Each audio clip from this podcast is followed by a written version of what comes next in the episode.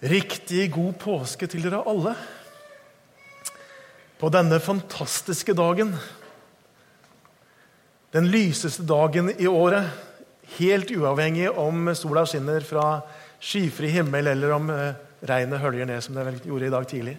Det er den lyseste dagen i året, for det stråler et sånt lys ifra den tomme graven, ifra Han som har oppstått, ifra Han som lever så stråler det et lys, og så gjør det det hver dag i året.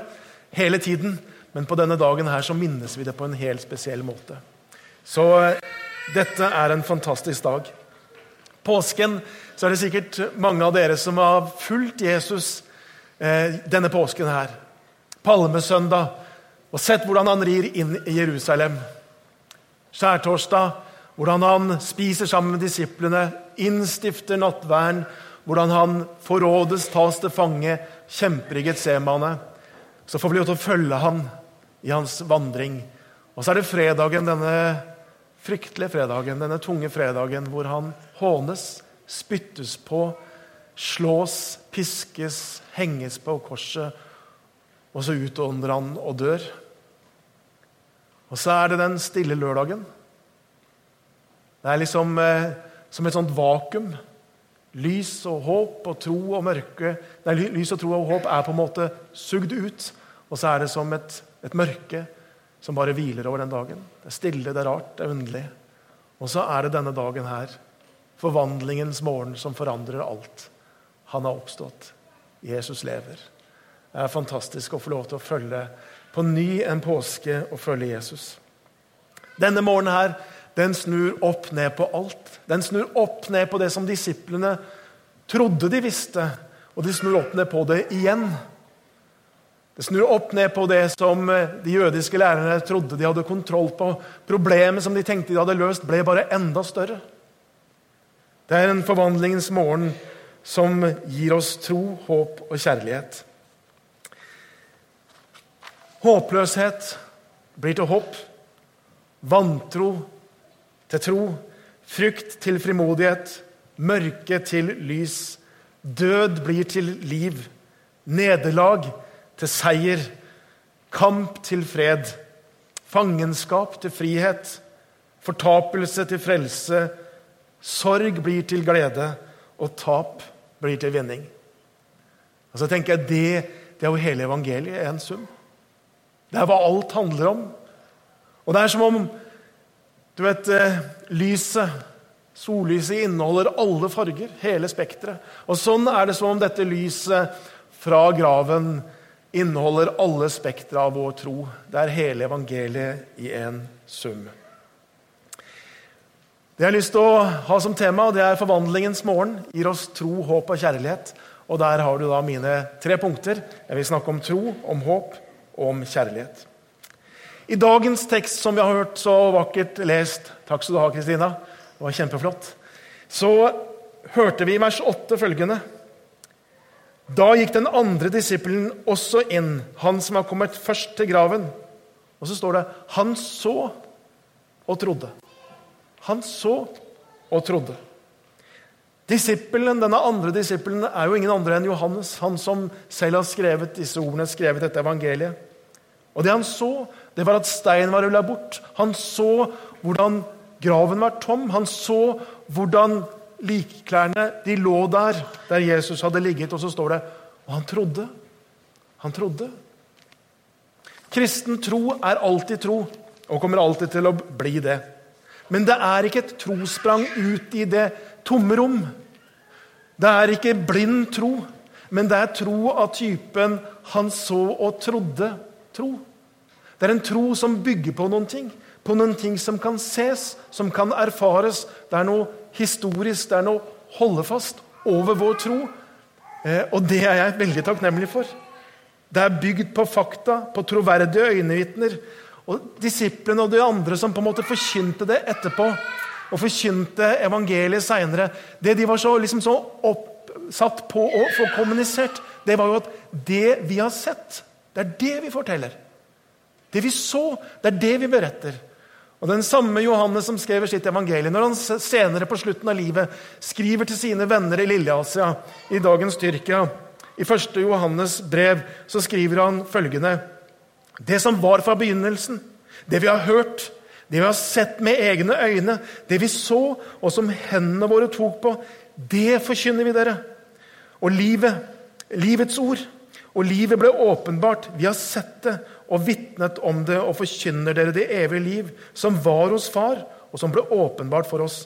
Det som vi har sett og hørt, forkynner vi også for dere, for at dere skal ha fellesskap med oss, vi som har fellesskap med Far og med Hans Sønn Jesus Kristus.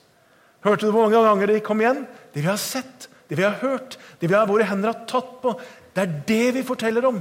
Det er ikke blind tro, men det er tro av typen 'han så og trodde'. Og Sånn er det også for oss i dag.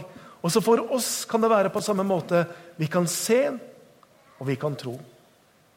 Og Hva er det vi ser da, 2000 år etterpå? Hvis vi vender blikket tilbake, hva er det vi ser? Hva er det vi kan se? Jo, det finnes noen sånne fakta noen ting som vi kan på en måte hvile blikket på, og som vi kan få trosstyrke av. Og Det ene som vi kan se, det er at graven den var tom. Graven må ha vært tom. Det er den eneste muligheten. Hvorfor? Jo, fordi at når disiplene står der på pinsedag i full offentlighet, så forkynner de han har oppstått. Hadde det vært et legeme i denne graven, her, ja, så kunne de jødiske skriftlærde, jødiske ledere, de romerske myndigheter hente han fram og sagt ja, han ser ikke så veldig levende ut for oss. ikke sant? De kunne aldri gjøre det. Kirken blei født fordi graven er tom. Vi sitter her i dag fordi graven er tom. Hadde ikke graven vært tom, så hadde ikke vi vært samla her i dag. Ja. Det er et sånt Det kan vi se. Og så kan vi ved det også feste blikket og tro. Det er det ene.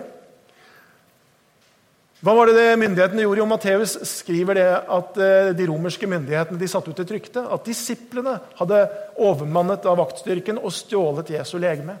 Det kunne jo forklare den tomme graven. Men det forklarer ikke den forvandlingen som skjer hos disiplene. Og Det tenker jeg det er det andre vi kan se. Vi kan se forvandlingene. De som satt av frykt for jødene, som vi hørte lest, bak stengte dører. Eh, og så møter de den oppstandende. Og så fører det de til at de med fremodighet forkynner at han er oppstått. Det var en sånn forvandling. Og resten av livet så var det det som var deres. på en måte, var det De gjorde. De forkynte at han var oppstått. Igjen og igjen og igjen så forkynte de vi har sett ham. Han har oppstått.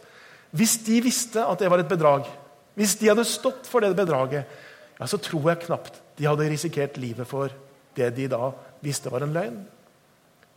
Men de hadde sett ham. De visste at graven var tom. Derfor så kunne de forkynne. Og Blair Pascal han sier det sånn at 'jeg setter lit til de vitner som får sine hals overskåret'. Hva mente han med det? Jo, Han mente at eh, man kan feste lit til sånne vitner som ikke har noen ting å tjene på det de eventuelt skulle lyve om, men bare noe å tape av sitt eget liv. For de ga sitt liv. De ble martyrer, disiplene. De hadde det ikke gjort for en løgn. Ja, Kanskje én liksom som det hadde klikka for, kunne gjort det. Men ikke 11 stykker, ikke 120 stykker, ikke alle de kristne som kunne vitne om det. Forvandlingene hos disiplene er det andre vi ser. Og Det tredje vi ser, det er jo alle vitnene. Det at Jesus etter sin død, etter at de hadde sett han var død, blitt lagt i grava, så er det mange som møter han igjen. Og Vi har hørt i dag hvordan Maria fikk lov til å møte Jesus, den oppstandende der i hagen. Og så løper hun av gårde til disiplene og sier, 'Jeg har sett Mesteren'. Og så vet vi at han viste seg for disiplene. Han kom inn når de sto der, og sa 'Fred være med dere'. Han viste seg for de tolv eller for de elleve. Og så sier eh, Paulus i første korinterbrev, som er skrevet bare drøyt 20 år etterpå Det er kort tid historisk sett. Så sier Paulus til menigheten i Korint han sier, og så viste Kristus seg for mer enn 500 brødre på én gang. Og så sier han, og av de er de fleste i live. Og så sier han til korintermenigheten hvis dere lurer på det, hvis dere ikke liksom stoler på det, gå og snakk med dem. Ta en tur. ikke sant? Og så Sjekk det ut, for disse vitnene de lever. De lever ennå. Og, det, um, og Lidelseshistorien og oppstandelseshistorien til Jesus er full av ulike navn. Josef fra Aritimea osv. Hvorfor? Jo, det var så man kunne gå og sjekke med dem. Ja, Var det helt sånn? Var det sånn det foregikk? Ja. Og så er det som fotnoter i våre masteravhandlinger, sånn at folk kunne sjekke det ut. Alle vitnene forteller det samme. Han har oppstått. Han lever. Vi så sårmerkene, men han var levende. Det er det vi kan se, og så kan vi også tro. Og I en rettssak er det jo sånn at når to-tre vitner samstemmer, så er det ganske sterkt bevis. Og her er det ikke ett eller to eller tre vitner, her er det hundrevis av vitner som er villige til å gi livet sitt for det de har sett og for det de har hørt, at han er oppstanden. Å være kristen det er jo ikke å ha svarene på alle mulige slags spørsmål. Heller ikke om tro. Og Sånn er det heller ikke å være pastor. Det er noen som tenker det, at vi har alle svar. Eh, til onsdag så jeg blir jeg utspurt på Jim her på, blant ungdommene. Skyt på pastoren. Eh, jeg har ikke alle svar. Og Det er mange ting i Bibelen som jeg tenker, det der skjønner jeg ikke helt. Det er mange ting i Bibelen jeg tenker hm, ja, så var det sånn Gud gjorde det i Gamle testamentet osv. Liksom, ja, det er noen ting her som jeg ikke skjønner. Men det som er liksom sånn, for meg sånn Det er overraskende klart. Det er overraskende sånn på en måte historisk, og det er at Jesus har stått opp. Det er overraskende tydelig. Og det er sånn at vi kan, 2000 år etterpå så kan vi se, og så kan vi tro. Det er en, altså Verdens mest vinnende forsvarsadvokat heter sir Lionel Luckow. En engelskmann som er slått til ridder. Og Han sier det følgende.: Jeg mener det bestemt. Bevisene for Jesu oppstandelse er så overveldende at de bare må aksepteres. Ja, Det er interessant å høre en som er vant til å orientere seg i moderne rettsalder. Og så er det sånn at troen på oppstandelsen, det at, det at han så og trodde, eller det at vi ser og tror, ja, så får det på en måte noen sånne ringvirkninger. Det får noen konsekvenser. Hvordan da? Jo, for det at Jesus sto opp, oppstandelsen, viser oss at Jesus er den han sa han var. Fordi Gud reiste han opp fra de døde, så er Jesus den han sa han var. Guds sønn. Ja, Gud. Oppstandelsen viser oss at Gud aksepterer Jesu offer på korset som soning for våre synder. Det er på en måte sånn godkjentstempel fra Gud selv. Oppstandelsen viser oss at det Jesus lærte, og som vi leser i evangeliene, at det er Guds ord. At det er Guds ord til oss. Ja, hvis Zakarias han sier det sånn at oppstandelsen fra de døde er det endelige historiske beviset på en empirisk etterprøvbar måte at Guds ord er sant. Og Jesus han siterer så å si fra alle bøker i Det gamle testamentet. Og han på en måte bekrefter at det er Guds ord. Ja, Derfor så kan jeg stole på at Bibelen det er Guds ord. Oppstandelsen får disse ringvirkninger på denne måten her. Så Jesu oppstandelse, det at jeg ser og tror, det gjør at jeg tenker jeg, jeg tror på denne boka her. Jeg tror at dette er Guds ord. Derfor så ønsker jeg å forstå, jeg ønsker å undersøke mer, jeg ønsker å leve i tråd med denne boka. her. Jeg ønsker å undervise i tråd med denne boka. Jeg ønsker å stå på det som er Guds ord, og ikke sånn plukke og miks det som jeg liker.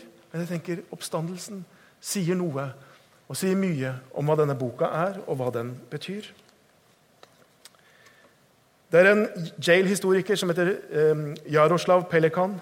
og Han sier det sånn Om Kristus har stått opp, så betyr alt annet ingenting. Om Kristus har stått opp, ja, så på en måte så må alt se i lys av det. Alle de spørsmål som vi lurer på, osv. Alt må ses i lys av det. Og Så sier han videre om Kristus ikke har stått opp, ja, så har alt annet ingen betydning. Og sånn er det. Da er vi uten håp, livet uten mening, og vi er døde i våre synder. Alt annet har ingen betydning. Forvandlingens morgen gir oss tro, ikke bare på oppstandelsen, men på alt. At han, reiste, at han er reist fra de døde, stiller alt annet inn i oppstandelsens lys. Så det var det ene. Håpets morgen gir oss tro. Det andre jeg har lyst til å peke på, det er at håpets morgen gir oss håp. Som ganske ung tenåring så leste jeg en bok som gjorde veldig inntrykk på meg. Det var boken om Joni Eriksson Tada.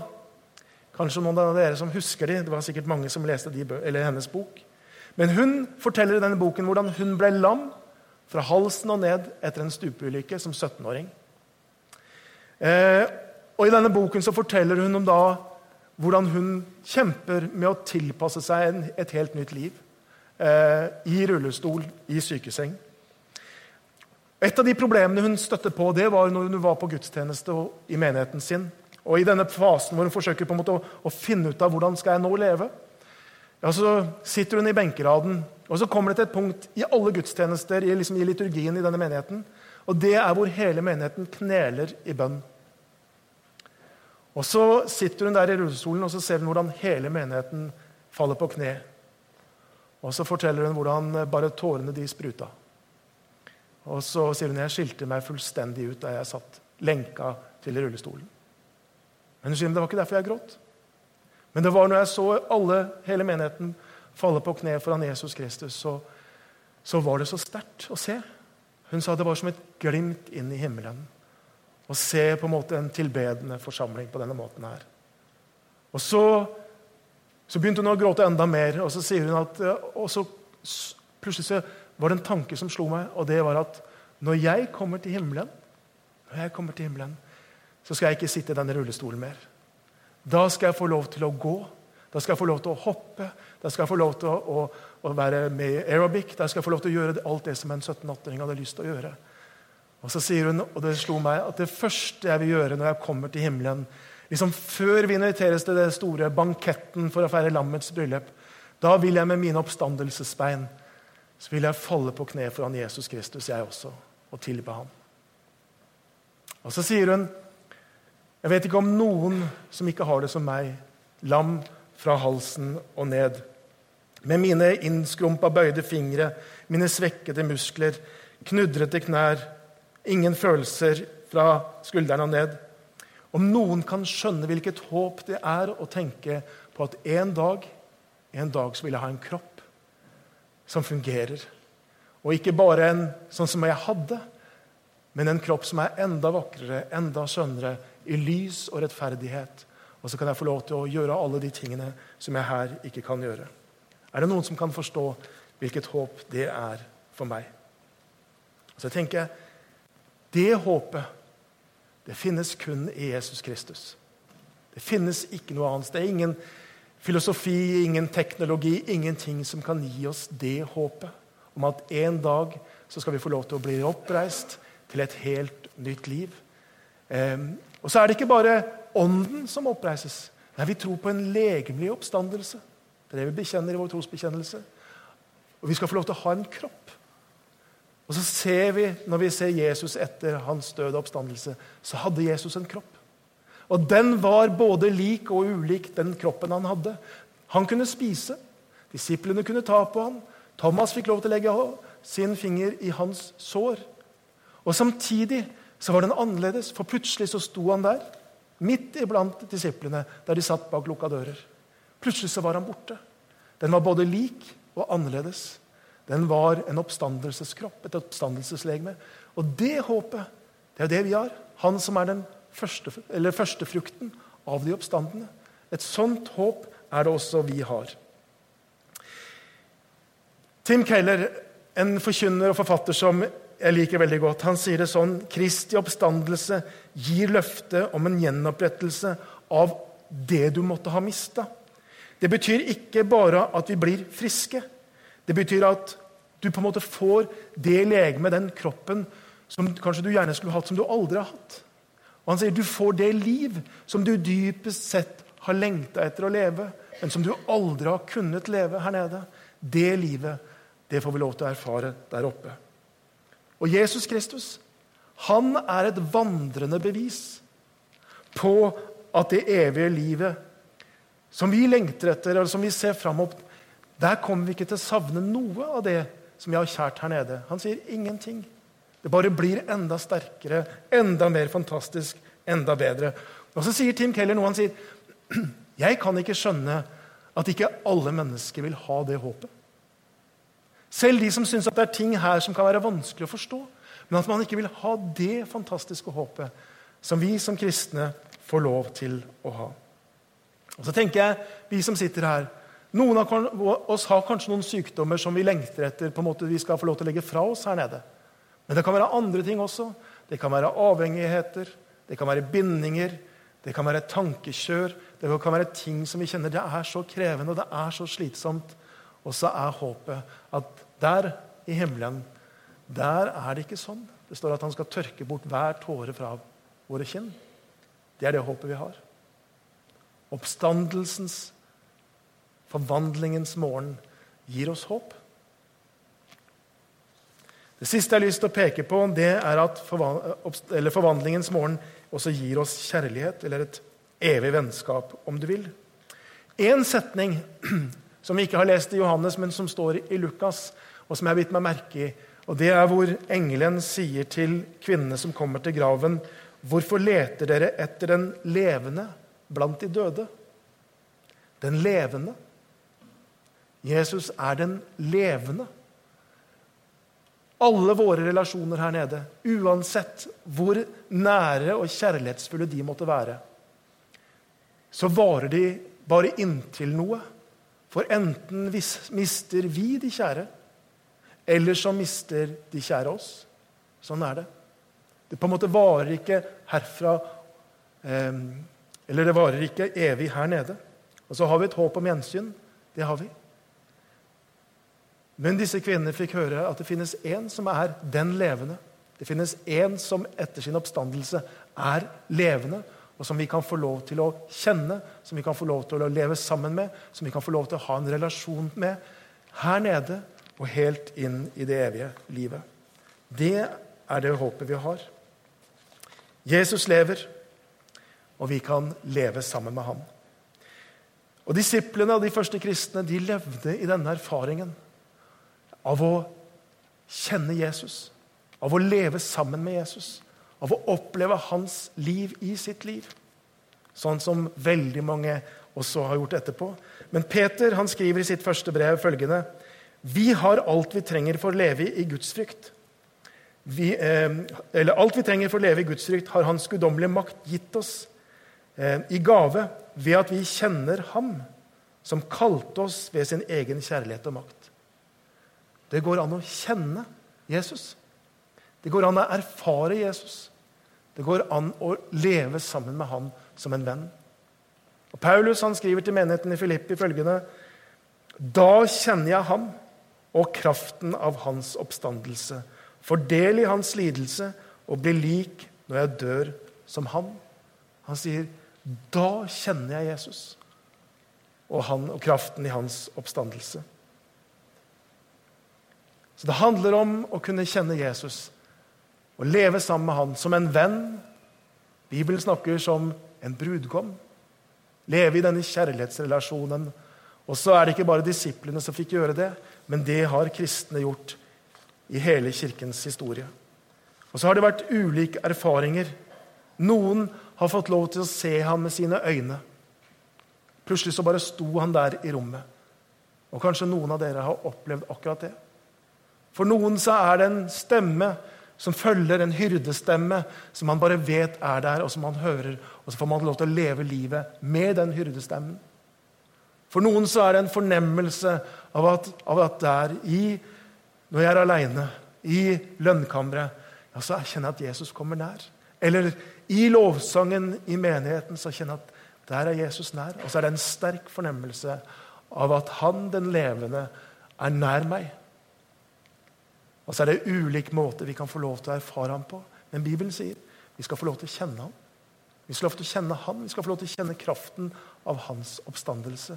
Hvorfor? Jo, fordi at det, han, det at han er oppstått, betyr at han er den levende. Han lever, og så er han den samme i dag som han har vært til alltid. Jesus sto opp. Og så tenker jeg det gir oss tro. Ikke en blind tro, men tro fordi vi har sett noe, og så kan vi tro. Hans oppstandelse gir oss håp. Og Så vet vi ikke all verdens hva som er på den andre siden av døden. Men når Jesus vandret her nede, så gir han oss et glimt av hvordan det livet er med sitt oppstandelseslegeme. Og så gir oss kjærlighet. Vi får lov til å leve i dette evige vennskapsforholdet med Jesus Kristus her nede. Han lever. Derfor skal vi få lov til å leve i det forholdet. Det var en forvandlingens morgen som gir oss tro, håp og kjærlighet. Det er en forvandlingens morgen for Jesus selv. Han ble vakt til live. Det er en forvandlingens morgen for disiplene, og alt ble annerledes. Og så håper jeg også at denne dagen, denne oppstandelsen, er en forvandlingens morgen for deg. At du kan kjenne der du sitter, at ja, det gir meg virkelig tro, det gir meg håp, og det gir meg denne relasjonen, kjærlighet.